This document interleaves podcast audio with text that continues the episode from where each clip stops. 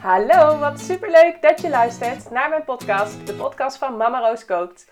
In deze podcast neem ik je mee in de wereld van babyvoeding en leer jij hoe jij je peuter weer gezond laat eten. Zo weet jij hoe jij je kindje de beste start kan geven en kunnen jullie als gezin genieten van gezellige etentjes samen. Mijn persoonlijke verhalen als mama van drie meiden, maar ook mijn achtergrond in psychologie, voeding en onderwijs hoor je terug in de verhalen van deze podcast. Veel plezier met luisteren! Ja, leuk dat je weer luistert. Het thema voor vandaag gaat over de hoeveelheid voeding die je kindje zou moeten eten. Ik krijg daar zoveel vragen over. Dit is echt een punt waar heel veel ouders ontzettend onzeker over zijn. Krijgt mijn kindje wel genoeg binnen? Eet mijn kindje wel genoeg?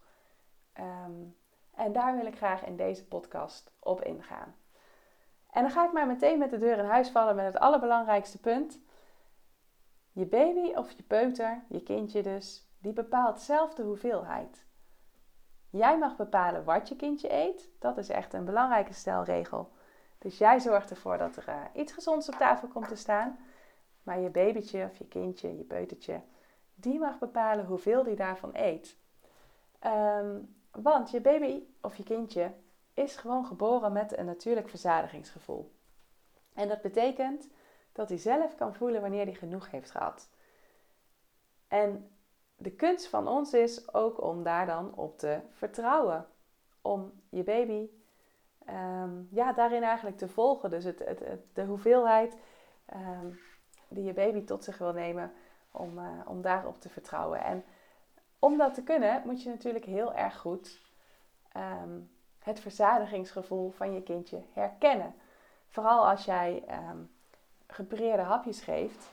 Heel veel ouders zijn geneigd om, ze hebben een bepaalde hoeveelheid klaargemaakt. Of je gebruikt bijvoorbeeld een van mijn schema's, wat super handig is. En daar heb ik natuurlijk richtlijnen voor een bepaalde hoeveelheid, geef ik daar aan. En dat betekent niet dat dat ook de hoeveelheid is die gegeten moet worden of die op moet. Dus um, het kan ook best wel zijn dat je kindje de ene week bijvoorbeeld, ik noem maar even wat hoor, maar 80 gram eet. En de week daarna dat hij genoeg heeft aan 30 gram of 40 gram.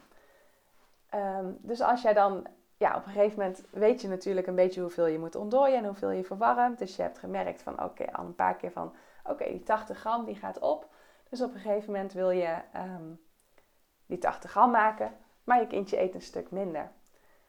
Veel ouders die schrikken daarvan en die zijn toch geneigd om dan um, de rest van het hapje ook te gaan geven. Want die denken, ja, Um, dat is toch gewoon wat mijn kindje nodig heeft of wat mijn kindje altijd eet. Dus waarom eet hij dat dan nou ineens niet? Um, maar de hoeveelheden verschillen enorm per kind en per fase, per eetmoment en per voedingsbron. Dus hoeveel energie bevat bijvoorbeeld de maaltijd? Sommige maaltijden zijn een stuk energierijker dan andere. Dus daar kan een kindje al veel sneller verzadigd zijn. Dus dan is bijvoorbeeld 80 gram, ben je sneller verzadigd een hele energierijke maaltijd dan 80 gram van een energiearme maaltijd. Um, maar ook gewoon per kind kan het enorm verschillend zijn. Hè? Dus uh, de ene is bijvoorbeeld ook heel erg gesteld op de melk. En die, die baalt er eigenlijk van, bij wijze van spreken, dat die melk afgebouwd wordt. En de andere is juist helemaal enthousiast over vaste voeding. En die kan niet wachten dat dat nog sneller opgebouwd wordt. En dat die nog sneller um, eigenlijk die melk, dat hij daarmee kan stoppen en dat hij uh, nog meer vaste voeding uh, mag eten. Um, dus dat, dat, daar zit een enorm verschil in per kindje. Maar ook per fase. Het kan ook bijvoorbeeld um, echt zijn dat je eh, kind het ene moment veel meer eet dan het andere moment. En dat heeft bijvoorbeeld ook te maken met groeispurten. Het ene moment um, zit je kindje misschien in een groeispurt, heeft hij daar extra energie voor nodig. Of hij is juist ontzettend aan het oefenen met leren kruipen. En doordat hij daar zoveel energie voor nodig heeft, heeft hij weer meer voeding nodig. Uh, terwijl het volgende moment um, voelt hij zich misschien niet zo fijn, zit hij niet zo lekker in zijn vel. Um, voelt hij zich niet helemaal lekker, komt er een tandje door. Het kan van alles zijn eigenlijk waardoor een kindje even gewoon zich ja, wat minder fijn voelt. En daardoor vaak ook weer wat minder eet. nou, tot zes maanden is sowieso gewoon melk voldoende om binnen te krijgen. Um, dan is alle vaste voeding die je geeft, is echt om te oefenen. Dus zie dat ook echt als oefenmomentje.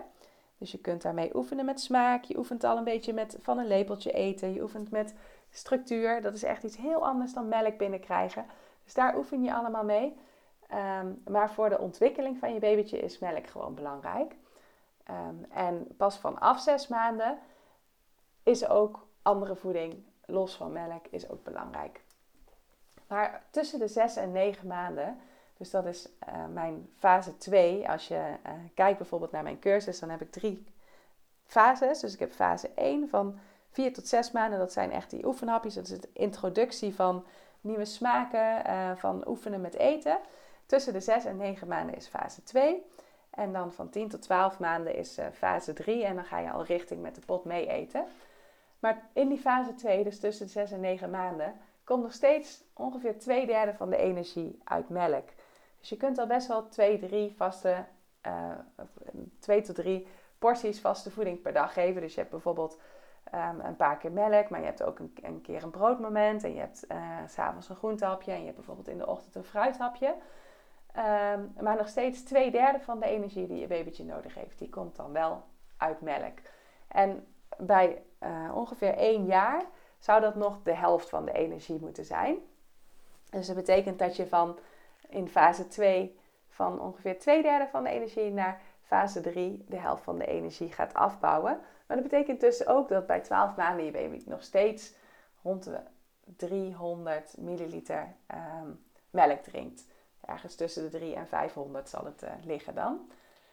Um, nou ja, en wat dus heel belangrijk is als het over de hoeveelheid gaat, is dat je gewoon leert herkennen wanneer het voldoende is. Wanneer heeft je baby genoeg gehad? Um, en dat is natuurlijk ook weer per babytje en per fase en per moment en dergelijke verschillend. Maar waar kun je het vooral aan zien? Um, groeit je baby goed? Dus groeit hij volgens zijn eigen groeicurve? En is je baby vrolijk? Dus als hij heeft gegeten, is hij dan daarna, zie je dan geen hongersignalen meer. En is het gewoon een tevreden, blije baby. Um, nou, als je baby aan jou duidelijk wil maken dat hij genoeg heeft gehad, dan heeft hij vaak daar een paar signalen voor die daarvoor gebruikt. Dus bijvoorbeeld babytje kan gaan huilen of uh, kan eten uitspugen. Uh, misschien gooit hij het wel weg, uh, duwt hij het weg. Een, een hoofdje wegdraaien is ook een duidelijk signaal. Maar leer vooral de signalen van jouw baby kennen. Want bij elke baby is dat toch weer een beetje anders. Dus bij elke baby die zal andere signalen geven. Of die heeft bijvoorbeeld een signaal die die uit de dingen die ik net noem, die die heel vaak laat zien. Um, ja, wat, eh, wat ook nog wel belangrijk is, is om die hapjes energierijk te maken. Um, omdat je, het maagje van de baby eigenlijk nog super klein is. Dus die kan nog niet heel veel, kan nog niet heel veel in. Maar het is wel belangrijk dat hij goed, goed veel energie heeft. Zodat hij zich kan ontwikkelen, zodat hij kan groeien. Um, dat is ook een van de redenen om vetten toe te voegen aan een hapje. Dus bijvoorbeeld olijfolie. dat zie je bij mijn recepten ook altijd erbij staan. Als je een van mijn cursussen of schema's volgt, dan zie je altijd dat ik daar een bepaalde hoeveelheid olijfolie mee doe. En dat is bij doe. Dat is ook om het hapje smeuiger te maken.